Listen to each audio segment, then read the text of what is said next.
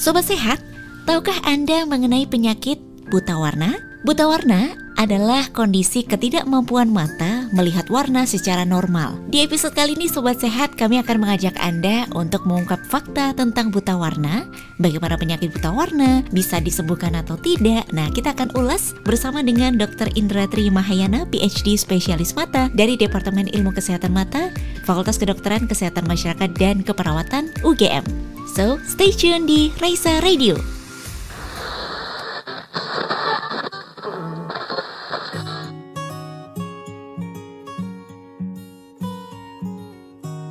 Halo Sobat Sehat, bagaimana kabarnya hari ini? Semoga kabar Anda sehat ya. Jumpa lagi dengan saya Galuh di acara Bincang Sehat Radio Indonesia Sehat. Sobat Sehat, di episode kali ini Raisa Radio akan mengajak Anda untuk kita bersama-sama mengungkap fakta tentang buta warna. Barangkali dari Sobat Sehat ada yang belum tahu nih tentang buta warna ini, penyakitnya seperti apa, lalu bisa disembuhkan atau tidak? Nah, nanti kita akan tanya pada pakarnya langsung ya. Dan telah hadir bersama dengan kita di kesempatan hari ini ada Dr. Indra Tri Mahayana, PhD spesialis mata. Beliau dari Departemen Ilmu Kesehatan Mata FKKMK UGM. Beliau juga merupakan dokter di RSUP Dr. Sarjito Yogyakarta. Kita akan sapa dulu sobat sehat.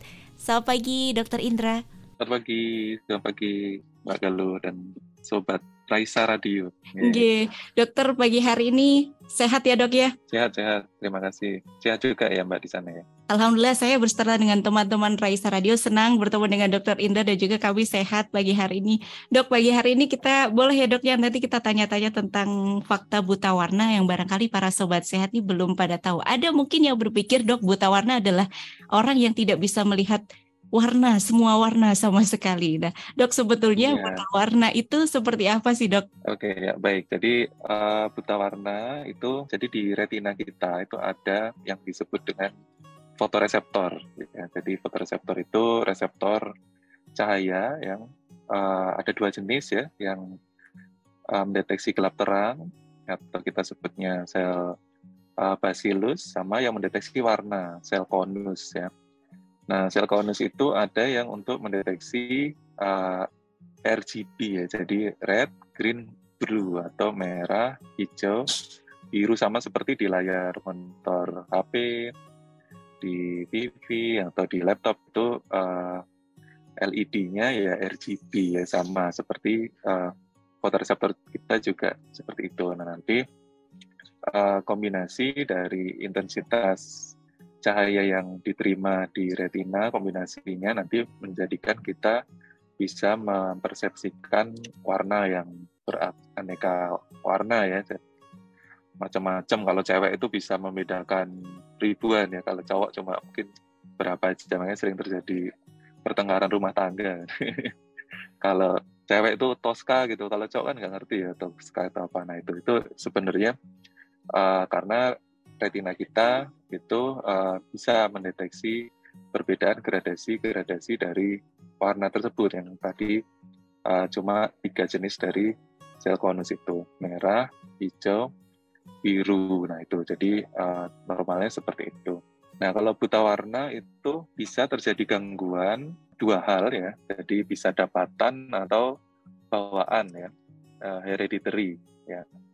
Bawaan itu tidak tidak selalu dia genetik tapi bisa juga dia sporadik ya. Jadi memang dia uh, bawaan di situ. Nah kalau kita bahas dulu yang dapatan karena yang dapatan itu lebih apa namanya lebih sedikit ya. Karena memang uh, belum tentu terjadi buta warna nah dapatan itu terjadi misalnya jika terjadi peradangan pada nervus opticus ya. Kita sebutnya optik neuritis ya. Kalau misalnya radang atau optik neuropati misalnya kalau terjadi uh, apa namanya sumbatan pada salah satu pembuluh darah yang memperdarahi di nervus opticus nah itu. Nah jika terjadi gangguan di situ bisa menyebabkan salah satunya uh, defek uh, setelah sembuh ya jadi awalnya jelas dia mengalami gangguan penglihatan, ya, visusnya turun atau tajam penglihatan itu turun. Setelah sembuh, misalnya bisa disembuhkan, ya kadang juga nggak bisa disembuhkan juga ya. Setelah bisa disembuhkan, visusnya kembali, kadang-kadang dia mengalami keluhan ke dokter uh, bicara kok ini masih uh, tidak enak ternyata pada saat kita periksa dia mengalami buta warna padahal sebelumnya tidak nah itu itu yang disebut dengan buta warna dapatan ya itu kejadiannya jarang tapi bisa juga ya, dia terkait penyakit tertentu. Nah yang yang sering kita dapatkan itu uh, buta warna bawaan ya. Nggak sering juga sih sebenarnya angka kejadiannya uh, sedikit sekali ya. Uh, buta warna bawaan ya. Bawaan itu uh, dia terlahir dengan uh, buta warna. Entah itu merah hijau atau biru ya. Biru itu sangat jarang ya. Uh, hanya dua persen dari populasi buta warna. Jadi buta warna itu sendiri aja sudah sudah sangat sedikit apalagi yang biru hanya dua persennya lagi dari buta warna itu. Jadi uh, lebih sedikit lagi buta warna biru. Jadi umumnya buta warna itu buta warna merah hijau atau semuanya ya merah hijau biru ya atau merah hijau saja itu bisa ya jadi kombinasinya jadi merah hijau biru total merah hijau atau merah saja atau hijau saja ya. Atau merah parsial atau hijau parsial ya kayak gitu. Jadi uh, uh, apa namanya uh, itu buta warna uh, bawaan ya. Kalau dapatan kita nggak bisa milih mau merah aja hijau aja biru aja nggak bisa ya. Kalau dapatan biasanya total dia. Dia memang tidak bisa mengidentifikasi warna secara keseluruhan ya itu biasanya dapatan ciri khasnya seperti itu tapi kalau bawaan bisa tergantung defeknya di dia salah satunya di mana ya apakah di sel konus yang merah yang hijau atau yang biru seperti itu. Nah, itu itu aja sih pendahuluannya. Tapi ini kalau kita ngomong sama orang Madura bingung ya orang Madura itu ngomong hijau jadi biru. Nah, coba nanti kalau ketemu. jadi balik-balik. ya, oke oke silakan. Baik dok, terima kasih banyak penjelasannya. Jadi sudah jelas ya sobat sehat bahwasanya uh, ada dua macam. Jadi yang dari turunan juga ada, dari dapatan atau dari gangguan-gangguan penyakit ya dok ya. ya. Tadi dokter ya. mengatakan antara laki-laki dan perempuan ini berbeda. Ini menarik dok. Oh iya iya. Perempuan okay. juga karena banyak jilbab, ada banyak baju-baju sampai menemukan warna lilac juga, ada banyak variasi warna. Apakah artinya dari perempuan dan laki-laki ini berbeda dok? Dari memandang segi warna. Ya, tadi kalau itu uh, mungkin hanya masalah psikologi saja ya, tapi kalau secara anatomis memang kita dikaruniai reseptor yang sama sebenarnya. Cuma memang secara psikologis uh, perempuan mungkin lebih teliti atau dia lebih perhatian dengan hal-hal yang tertentu gitu sehingga memang bisa membedakan warna yang lebih teliti. Tapi bukan dalam arti fotoreseptornya banyak ya, ada warna ada warna aneh-aneh tuh reseptornya juga warna aneh-aneh enggak juga. Tetap red, red green blue juga tiga juga gitu. Okay, nah, tapi uniknya kalau buta warna bawaan itu biasanya terkait uh, seks hormon ya atau kita sebutnya kalau di klinis itu X-link ya itu sehingga uh, laki-laki itu lebih sering terlibat untuk bawaan ya. Walaupun perempuan juga ada tapi sangat-sangat sangat jarang kejadiannya. Jadi uh, hampir 90 persen ya 29 persen itu kalau bawaan mesti laki-laki gitu karena X-link biasanya. Karena laki-laki itu kromosom seksnya kan XY kalau yang terkait X-nya dia ada defek maka langsung dia uh, fenotipnya muncul seperti itu. Tapi kalau kalau perempuan karena XX terkait X jadi belum tentu fenotipnya muncul walaupun secara genetik ada gen, gen buta warnanya. Tapi fenotipnya belum tentu langsung muncul. Tapi kalau pada laki-laki mm-hmm. langsung muncul seperti itu. Artinya presentasi orang yang dengan buta warna ini lebih banyak dari laki-laki ya dok ya daripada perempuan begitu kah dok? Betul betul. Kecuali uh, orang tuanya itu buta warna semua orang tuanya. Tapi kan dapat buta warna yang cewek aja itu udah sulit ya gitu. Yang ibunya itu kan XX nah itu ibu ibunya itu harus X 2X-nya itu terkait buta warna. Kalau dapat suami buta warna masih lebih mungkin. Nah, itu anaknya pasti buta warna walaupun dia perempuan. Seperti itu. Tapi karena XX-nya itu jarang sekali ya uh, yang dua-duanya terlibat jadi jarang sekali memang. Jadi memang laki-laki mostly. Mm -hmm, mm -hmm, Ya.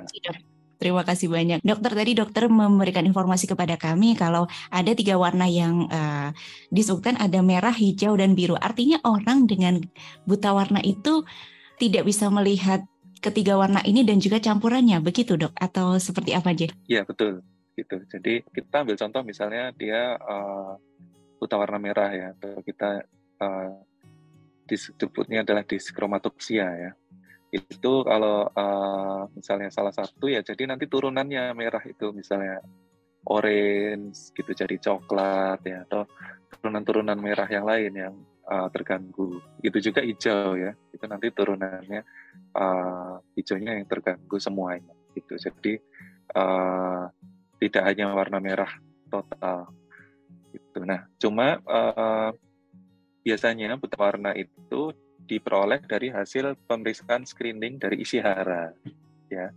Nah isi hara itu uh, kalau pernah mendaftar pekerjaan itu kan pasti ya dilakukan pemeriksaan isi hara itu yang 12 ya kemudian 5 7 39 yang 46 nah itu.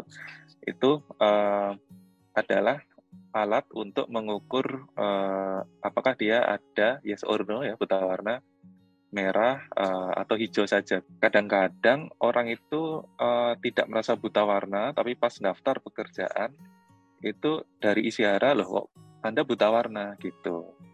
Itu juga bisa. Nah, karena memang uh, yang dilakukan pemeriksaan isi hara itu yang uh, thresholdnya rendah ya, itu kita sebutnya sub threshold ya. Kalau sehari-hari itu biasa kita melihat warna yang sangat cerah, yang sangat kontras, itu kita sebutnya supra threshold gitu. Jadi uh, bisa di cross check ya untuk pasien-pasien seperti itu atau misalnya teman kerja yang seperti itu, misalnya ada warna merah kontras ini bisa nggak? Kadang dia bisa, bisa merah, lampu merah masih bisa, lampu hijau masih bisa. Tapi pada saat dicek pakai isi hara dia ketahuan buta warna gitu. Jadi di situ nanti mungkin yang perlu kita banyak uh, perbincangkan itu karena terkait masa depan seseorang ya. Gitu. Jadi uh, terkait pekerjaannya itu nanti. Iya dok, bahaya juga ya dok ya ketika sudah besar sudah dewasa tapi baru tahu kalau pribadinya buta warna tentu akan mempengaruhi juga masa depannya ya dok ya. Nah lalu ya, untuk betul, screening, ya. screening ini baiknya itu mulai dari kapan dok untuk bisa screening mata kita? Ya kalau screening uh, sedini mungkin, tapi uh, kalau masih memang sangat kecil nggak bisa ya. Jadi otomatis dia bisa membaca dan dia kognitifnya baik ya gitu. Jadi misalnya anak-anak yang tidak kooperatif ya memang nggak bisa ya. Mungkin disarankan itu di atas enam tahun. Itu uh, sudah uh, kognitifnya sudah mulai baik dan dia sudah bisa membaca, nah itu bisa kita lakukan pemeriksaan. Cuma memang kalau memang dia diketahui sebagai orang buta warna itu tidak bisa disembuhkan gitu. Jadi screening sejak dini iya, tapi hanya untuk nanti kita mengasih saran-saran untuk nanti masa depannya aja, misalnya dalam hal memilih pekerjaan atau uh, sekolah seperti itu ya. Tapi tidak bisa terus uh, terscreening sedini mungkin terus kita berikan obat terus bisa sembuh itu nggak bisa ya kalau buta warna kecuali hmm. yang yang dapatan tadi yang terkait penyakit itu hmm. uh, uh, misalnya penyakitnya bisa disembuhkan ya mungkin buta warnanya uh, sedikit sedikit dia akan uh, kembali pulih seperti itu. Mm-hmm. Ya. Baik dok. Jadi buta warna itu kalau yang dari turunan itu tidak bisa disembuhkan. Kalau dari yang dapatan atau karena penyakit itu kita bisa mulai dari penyakitnya itu dan diharapannya bisa membantu untuk mengurangi buta warnanya ya dok ya. Masih mungkin ya dok ya. ya. Masih kalau mungkin untuk... ya. Kalau kita dokter nggak nyamin kesembuhan saya. masih mungkin bisa ya. Baik dok, ini merupakan kabar baik ya. juga ini untuk para sobat sehat yang mungkin hal baru juga untuk para sobat sehat ya, sobat sehat bahwa ternyata buta warna itu kalau yang turunannya tidak bisa disembuhkan. Nah dok, kalau untuk yang bawaan itu penyakit-penyakit apa yang bisa membuat itu orang itu buta warna dok? Ya, kalau bawaan itu uh, sebagian besar dia sporadik ya, jadi tidak terkait satu penyakit tertentu gitu. Jadi ya memang ada defek pada gen yang mengatur ekspresi dari fotoreseptor sensor dari fotoreseptornya itu gitu. Jadi bukan terkait sindromik, walaupun sindromik juga bisa ya, tapi uh, biasanya uh, dia adalah sporadik. Sporadik itu cuma itu saja defeknya yang diketahui gitu. Ya, kecuali yang yang dapatan tadi uh, seperti saya sebutkan optik neuritis ya, optik neuropati seperti itu autoimun autoimun itu uh, berkaitan ya, berkaitan dengan kondisi seperti itu. Mm-hmm. Ya, tapi kalau yang yang bawaan itu ya ya memang dikaruniai fotoreseptor yang yang nggak lengkap gitu ya. Jadi yang harusnya dia bisa red tapi dia ternyata nggak bisa red contohnya. Baik dok, dokter ini sudah banyak dari sobat share yang sudah bertanya. Mohon izin saya bacakan satu persatu, boleh ya dok ya? Ya silakan silakan. Baik, selamat pagi uh, Dokter Indra, menarik sekali obrolannya. Ini dari Bu dari Mas Mas Ridwan di Jogja. Selamat pagi Dokter, terima kasih atas informasinya. Selamat pagi sobat sehat semua. Perkenalkan saya Ridwan di Jogja. Dok mau izin bertanya, kalau untuk orang dengan buta warna ini untuk membedakan warna yang di kehidupan nyata dengan yang di gadget ini berbeda atau sama ya dok sensitivitasnya? Terima kasih. Moga dokter. Ya, ya baik ya. Baik sekali ya pertanyaannya. Jadi kalau di gadget itu biasanya sensitivitasnya tinggi ya, kontrasnya high contrast, super threshold, biasanya dia masih bisa ya, kecuali buta warna total ya, gitu. Biasanya dia masih bisa. Cuma tetap uh, untuk kemampuan sensitivitasnya perlu kita ukur juga ya, uh, dia sejauh mana. Nanti kalau uh, dibawa ke Sarjito itu nanti kita bisa lakukan pemeriksaan yang lebih teliti tidak hanya IARA ya. Jadi uh, kita lakukan dengan Farnsworth Mansell test ya. Uh, itu kita lakukan pemeriksaan dengan berbasis U ya. Jadi HUE itu kalau bahasa Inggrisnya tulisannya itu. Jadi uh, dia berbasis U. U itu kayak kecerahan kontras gitu ya berbasis itu. Jadi karena buta warna erat kaitannya juga dengan uh, kemampuan manusia dalam melihat kontras juga. Jadi uh, itu nanti bisa ketahuan dia sensitivitasnya berapa. Kalau mau lebih teliti seperti itu. Tapi kalau uh, isi hara nanti cuma ketahuan aja dia yes or no aja parsial merah atau hijau atau merah atau hijau cuma itu saja. Jadi cuma sering terjadi uh, mispersepsi ya salah satunya juga dari rekan-rekan medis menganggap bahwa isi hara itu uh, diagnostik tes ya yang memfonis pasien yang digunakan untuk memfonis pasien. Nah itu kalau menurut saya pribadi ya ini uh, apa namanya pandangan saya pribadi itu kurang tepat sebenarnya. Jadi misalnya ya kita sebagai dokter keluarga dimintakan surat sehat uh, untuk kepentingan uh, mendaftar sebuah misalnya perguruan tinggi atau pekerjaan atau apa, kemudian hanya dilakukan pemeriksaan dengan isi hara, kemudian difonis pasien tersebut buta warna, kemudian uh, ditulis buta warna, kemudian pasien tersebut menjadi di, tidak diterima di tempat kerja atau di universitas atau di sekolah, itu apa namanya menjadi uh, tidak adil ya buat pasien tersebut. Jadi uh, kurang tepat ya kalau saya. Jadi kalau memang nanti ditemukan ini untuk uh, saran ya untuk teman-teman uh, sejawat yang dimintain surat sehat yang berkaitan dengan buta warna, kalau memang ketemu yang isi haranya buta warna, nanti harus dirujuk ke yang punya misalnya buta warna yang lain misalnya dengan mm. Farnsworth Mansell ya atau kita sebutnya FM test ya itu. Nah itu untuk ditegakkan kalau itu beneran alat diagnostik. Jadi kalau memang dia buta warna nanti ya, kita tegakkan dari situ buta warna. Tapi kalau isi hara hanya sifatnya screening ya dan tidak bisa mengetahui sensitivitas tadi kata uh, pasien bagus sekali ya kata-katanya sensitivitasnya berapa nah itu uh, tidak bisa ketahuan kalau dari situ. Jadi mm-hmm. sayang ya. Oke, okay. baik dok. Terima kasih. Semoga menjawab pertanyaan dari Mas Ridwan. Jadi kalau warna-warna di gadget atau di uh, di layar itu lebih sensitif ya dok ya dibandingkan warna-warna di uh, di luar itu. Dan kalau para sobat sehat tadi pesan dari Dokter Indra nih sobat sehat kalau Sobat Sehat ingin mendaftar kerja dan itu tesnya isi hara ketika ditemukan di situ buta warna belum cukup di situ ya dok ya akan lebih baik bisa ya. dirujuk dan menggunakan alat tes FM test tadi ya dok ya Ya, betul. Kalau saran saya seperti itu ya, karena itu hak asasi ya orang itu untuk mm -hmm. mendaftar di suatu apa perguruan tinggi atau pekerjaan. Itu kalau kita gagalkan karena mm -hmm. hanya buta warnanya itu uh, sayang kasihan pasiennya ya. Mm -hmm. Yang mengagalkan uh, orang tersebut tidak diterima harusnya tidak buta warnanya tapi skillnya atau kognitifnya atau kalau misalnya ada tes uh, apa pelajaran ya pelajarannya nilainya jelek tapi bukan tes buta warna yang gagal itu kalau saya ya. Mm-hmm. Terima kasih dok. Tadi dokter menceritakan nih sobat sehat yang baru saja bergabung di radio bahwa ketika mendapati para uh, pasien ini dengan buta warna yang turunan itu tidak bisa disembuhkan dan dokter akan memberikan edukasi terkait dengan ke depannya seperti apa. Semengganggu apa dok sebetulnya dan uh, harusnya seperti apa perawatan anak atau orang dengan uh, buta warna ini untuk ke depannya dok? Kalau dia tahu kalau tidak bisa sembuh begitu dok? Ya oke okay. ya terima kasih. Jadi itu berkaitan nanti uh, dengan pemilihan pekerjaan ya, terutama pekerjaan-pekerjaan tertentu. Ya misalnya peneliti tentang kebijakan itu kan tidak perlu warna. Dia seorang dokter tidak perlu warna. Ya sebenarnya bisa dia jadi dokter. Pada saat awal penerimaan dokter itu tes buta warnanya gagal nggak masalah. Yang mengagalkan dia itu harusnya tes kognitifnya.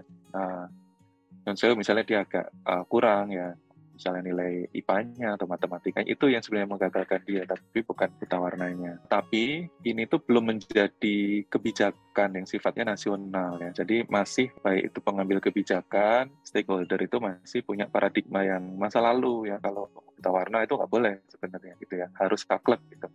Buta warna nggak boleh nanti akan menimbulkan kecelakaan kerja nanti di kemudian harinya ya nanti kita bisa bimbing sebenarnya pasien-pasien tersebut. Itu cocoknya ke arah mana sebenarnya ya kalau kalau menurut saya gitu mungkin nanti bisa kita panggil juga konsultan-konsultan di mana ya TNI Polri atau mm-hmm. bidang-bidang keahlian yang lain. Apakah memang warna itu segitu pentingnya gitu ya untuk pekerjaan si calon tadi gitu gitu ya pekerjaan juga sub, ya. sub, sub bidangnya juga ada banyak ya dok ya tidak Betul, bisa ya. dipukul ya. rata begitu ya dok ya tidak bisa dipukul rata seperti itu ya ya Baik. paling di rumah di, dimarahi istrinya disuruh ngambil jilbab salah misalnya Nah, di pekerjaan aman-aman aja sih. Baik dok, menarik sekali perbincangannya yeah. pagi hari ini. Artinya nih sobat sehat yang baru saja hadir atau sedang mendengarkan Raisa Radio di mana pun ada berada atau Anda sobat sehat yang menjadi orang tua juga untuk screening lebih dari enam tahun itu perlu dilakukan sejak dini untuk bisa tahu lebih uh, awal dan bisa mengarahkan anak kita ke depannya harus gimana, termasuk juga ter, uh, pilihan dari pekerjaannya. Dokter ini ya, sudah ada banyak. Banyak pertanyaan yang sudah masuk. Mohon izin saya bacakan satu persatu ya dok ya. Silakan. Ini ada pertanyaan dari selamat pagi dari Mbak Rahmah Indah Azahra. Terima kasih banyak Mbak Rahmah, semoga sehat. Pagi dokter, saya ingin bertanya ya dok, apakah jika orang tua buta warna merah, anaknya juga akan buta warna merah? Atau bisa buta yang beda warna lainnya ya dok, maturnuun? Ya oke, okay. terima kasih. Pertanyaannya baik sekali ya. Jadi tadi ya, yang pertama dia terkait X-link ya, jadi uh, otomatis harus anak laki-lakinya ya. Ibunya membawa karier bisa ya bawa gen terkait buta warna di salah satu kromosomnya bisa. Atau ayahnya ya ayahnya memang seorang yang buta warna gitu. Nanti turun ke anaknya dia X-link itu bisa ya eh, terkait kalau anaknya laki-laki. Kalau perempuan tidak. Bisa saja kejadian sangat kecil uh, dia sporadik memang. Dikaruniai dari Tuhan dia buta warna ya bisa juga ya. Atau gen itu tidak harus muncul ya, uh, tidak harus otosom dominan, jadi bisa tersembunyi di beberapa uh, apa namanya uh, periode. Jadi di generasi atasnya atasnya nggak muncul, tapi pas di bawahnya muncul itu juga bisa. Jadi kadang-kadang uh, memang tidak bisa kita prediksi uh, untuk uh, X-linknya itu, tapi secara gampangnya seperti itu ya. Jadi terkait X-link. Nah, uh, terkait warnanya apakah kalau merah uh, mesti anaknya merah itu belum tentu juga ya. Jadi dia itu tergantung dari tingkat keparahannya sebenarnya. Uh, bisa juga terjadi tapi bisa juga dia buta warna yang lain atau total ya. Atau merahnya merah parsial jadi merah juga tidak semuanya ya. Tidak tidak kalau kita cek itu tidak semua plate merah dia gagal ya gitu. Ada beberapa plate yang dia benar ya itu uh, buta warna parsial seperti itu. Itu secara uh, sederhananya seperti itu. Jadi tergantung dari keparahannya masing-masing, tergantung dari ekspresi gennya yang anak itu ekspresikan ya. Jadi fenotip yang muncul. Jadi ini terkait benar-benar dengan genetik murni sih memang buta warna itu. Jadi kita tidak bisa prediksi misalnya ini Mbak Rahma ini punya pacar buta warna merah ya. Makanya dia takut besok anaknya buta warna merah enggak. Gitu loh. Nah, pacar Mbak Rahma ini berwarna merah. Terus, wah mesti ini misalnya besok hamil gitu aduh anakku mesti buta warna merah. Itu belum tentu ya. Gitu. Kalau uh, laki-laki kemungkinan besar ya 90% dia buta warna. Itu kalau bapaknya buta warna. Tapi kalau uh, bisa juga karunia Tuhan ya kadang-kadang uh, ada apa namanya apa di di represi itu gennya memang bisa ya tidak muncul seperti itu itu bisa juga. Jadi belum tentu ya. Memang uh, uh, tidak terus menjadi angka-angka hitungan matematis gitu ya. Kita terus oh tuh pasti anakku besok buta warna itu enggak juga ya kalau memang udah cinta ya ya. Lanjut saja ya dok. apa-apa gitu. lanjut saja. Gitu. Tapi kalau di luar negeri itu ada konseling genetik ya. Sebelum menikah itu ada konseling genetik. Ya bawa pacarnya dicek darahnya dicek gennya. Ini ada gen-gen apa saja yang mungkin akan diturunkan ke keturunannya. Itu memang bagus sekali kalau memang mau. Mm-hmm. gitu. Kalau di Indonesia kan belum ya. Pas lahir oh mesti kamu bah itu kan malah menimbulkan pertengkaran tapi kalau di awal udah oh ini genku ini misalnya aku punya gen Hirschsprung punya gen retinoblastoma punya gen itu. Nah itu kan sebenarnya bagusnya seperti itu ya besok kalau kita mungkin 10 20 tahun lagi mungkin. Mm-hmm. Sekarang kan ada konseling pranikah itu sudah iya, mulai ya, betul, di, tapi hanya sebatas apa psikologis, mm-hmm. maupun manajemen keuangan itu bagus sebenarnya. Cuma mungkin besok ditambah biologisnya ya, biologis dalam arti genetiknya gitu, dicek darah, cek uh, genetik genetik itu tambahan. Baik dok, terima kasih. Nah iya ya, sobat yeah. sehat ternyata penting juga untuk kita melangkah ke pernikahan tidak hanya mental saja yang dipersiapkan, finansial juga, tapi ternyata kesehatan juga perlu karena mengingat adanya penyakit-penyakit yang ada kaitannya dengan gen atau bawaan. Jadi biar tidak kaget tadi ya. Lalu dok, ini ada kaitannya dengan pertanyaannya juga dari Ibu Afiatin di Sleman. Selamat pagi Dokter Indra, semoga sehat selalu. Terima kasih uh, penjelasannya sangat menarik. Lalu dok, bagaimana ke depannya untuk bisa merawat anak dengan buta warna? Apakah ada lensa-lensa yang khusus untuk bisa membantu meringankan anak atau orang tersebut? Nih, Martunun, silahkan dok. Ya. Dari Ibu Afi. Ya, makasih ya. Baik sekali pertanyaannya. Ya, memang ada lensa uh, koromatis untuk membantu ya, bukan untuk mentreatment, tapi untuk membantu meningkatkan kontras pasien-pasien buta warna. Itu ada lensa warna kuning biasanya ya gitu lensanya itu warnanya kuning nanti bisa dipesan di optik-optik tertentu ya itu meningkatkan kontras tapi memang tidak bisa untuk menyembuhkan ya, ya misalnya dia buta warnanya total kemungkinan nggak bisa tapi mungkin kalau parsial uh, atau nanti dicek dengan FM ada beberapa hue saja yang dia nggak bisa itu bisa meningkat sedikit apa namanya kontras kecerahannya saja membantu seperti itu jadi bisa ada uh, nanti bisa ditanyakan. Memang tidak semua optik ya uh, punya nanti coba ditanyakan untuk uh, uh, lensa kromatik buta warna ya. Biasanya adalah warna kuning biasanya. Jadi macam-macam. Ada yang misalnya untuk uh, apa namanya exposure UV itu ada sendiri, uh, ada yang untuk uh, apa namanya kromatik untuk di luar di dalam ruangan itu ada sendiri. Nanti bisa dipilihkan yang khusus buta warna. Cuma memang kalau menurut saya nggak semua optik ya. Dan mungkin pesan dari Jakarta gitu. ya bagus sekali pertanyaannya. Baik terima kasih dok. Semoga menjawab pertanyaan dari Ibu Avi jadi menggunakan lensa kuning ya dok ya yang di beberapa optik-optik tertentu saja. Nah, sobat saya semoga membantu informasi di pagi hari ini. Ada pertanyaan lagi dok, waduh ini sepertinya banyak sobat sehat yang tertarik dengan topik pagi hari ini dok dari Mas Agung nih, M Agung Prastia. Selamat pagi Mas Agung, semoga sehat ya. Selamat pagi dokter, izin bertanya, apakah katarak dan glukoma bisa menyebabkan kondisi buta warna ya? Terima kasih dokter. Iya, terima kasih. Jadi untuk penyakitnya itu sendiri tidak menyebabkan buta warna ya. Katarak, glaukoma itu tidak menyebabkan buta warna. Tapi kalau katarak itu kan dia ada apa namanya terjadi redup gitu ya. Jadi jadi katarak itu kan seperti kaca mobil itu terus dikasih kaca dikasih kaca film lagi gitu ya. Nah, jadi uh, sinar matahari itu dibikin masuknya lebih redup gitu. Itu uh, diciptakan Tuhan memang seperti itu ya. Jadi misalnya uh, petani ya, petani kenapa jadi katarak ya? Karena dia memang di bawah sinar matahari terus ya dari jam 8 pagi sampai sore. Jadi memang Tuhan menciptakan makin lama makin tua timbul katarak karena memang biar tidak merusak retina seperti itu ya.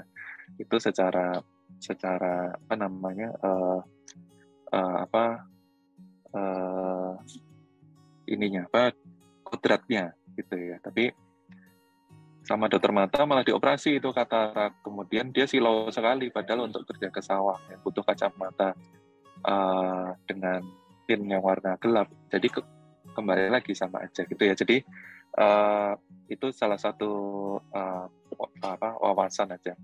Tapi kalau katarak enggak ya cuma menurunkan sensitivitasnya saja tadi. Jadi uh, untuk beberapa plate-plate jadi lebih gelap terus kecenderungannya mungkin dia lebih salah gitu. Tapi salahnya bukan karena dia memang tidak bisa mengidentifikasi angka misalnya uh, perbedaan warna di angka tersebut tapi karena lebih gelap saja atau visusnya turun seperti itu. Glaukoma juga sama ya. Dia menyerang apa uh, saraf saraf di retina yang tepi ya sehingga penglihatannya itu yang tepi menyusut sehingga lebih ke sentral uh, tapi tidak secara langsung menyebabkan kondisi buta warna. Jadi gangguannya lebih ke keterkaitannya dengan penyakit yang tersebut. Mungkin karena lapang pandangnya sudah sangat kecil, ya, atau dia memang visus yang sangat buruk seperti itu. Itu yang pada saat dicek buta warna itu dia menjadi kesannya positif gitu ya. Tapi sebenarnya dia bukan pasien buta warna seperti itu.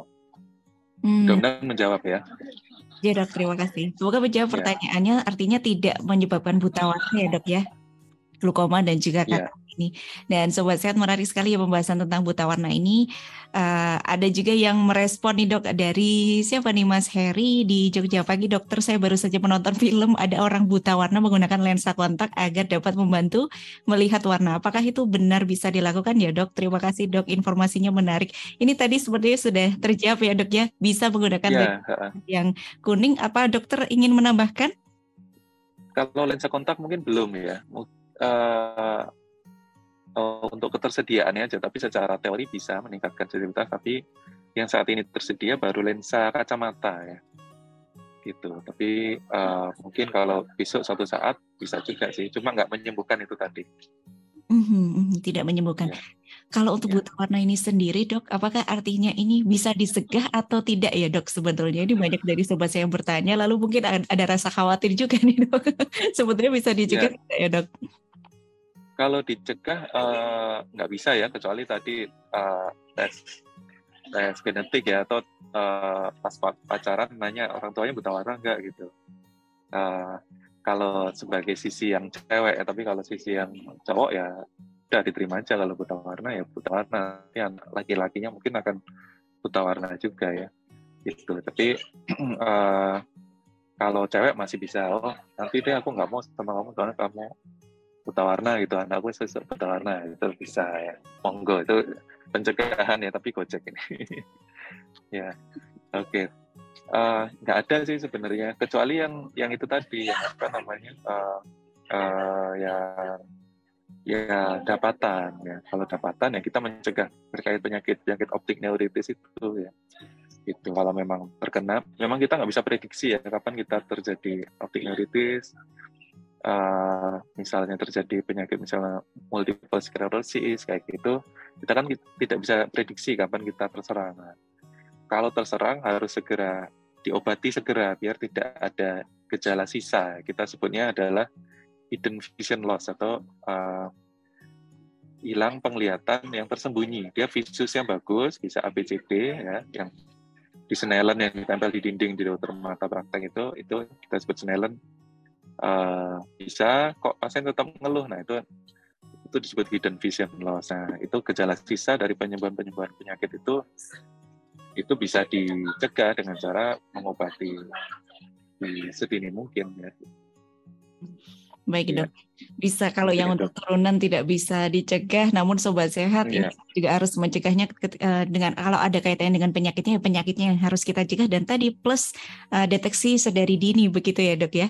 Dokter Indra, terima kasih banyak atas informasinya. Terima kasih atas hari ini nih banyak yang didapatkan nih. Saya bersama dengan Sobat Sewa senang sekali mendapatkan informasi baru tentang buta warna. Semoga kita bisa sama-sama menjaga kesehatan ya Sobat Sewa dan lebih aware lagi. Para orang tua yang di rumah juga yang eh, menyaksikan atau mendengarkan siaran pagi hari ini juga semoga teredukasi untuk bisa lebih ya memperhatikan anak-anaknya untuk bisa segera melakukan deteksi dini buta warna. Dokter, mungkin ada pesan-pesan untuk para sobat sehat di sesi terakhir ini, ya. silakan dok. Ya, terakhir ya. Jadi uh, kalau buta warna tidak usah khawatir, misalnya ter terdiagnosis buta warna, kemudian takut nanti mendaftar sesuatu, nanti bisa datang ke Sarjito, nanti kita periksa lagi, kita beri ketikan yang memang objektif ya, sesuai temuannya, dan dia bisanya warna apa saja, dan kira-kira faktor pekerjaan apa yang diperbolehkan. Jadi nggak nggak terus jangan patah semangat ya misalnya. Dan kita sarankan nanti ke pekerjaan-pekerjaan yang lainnya ya. Misalnya paling sering itu pasien saya yang TNI Polri ya gitu. Jadi butuh warna terus bisa ya nggak apa-apa mungkin memang secara peraturan tapi kan pekerjaan tidak harus TNI Polri jadi kita bisa kasih solusi solusi lain ya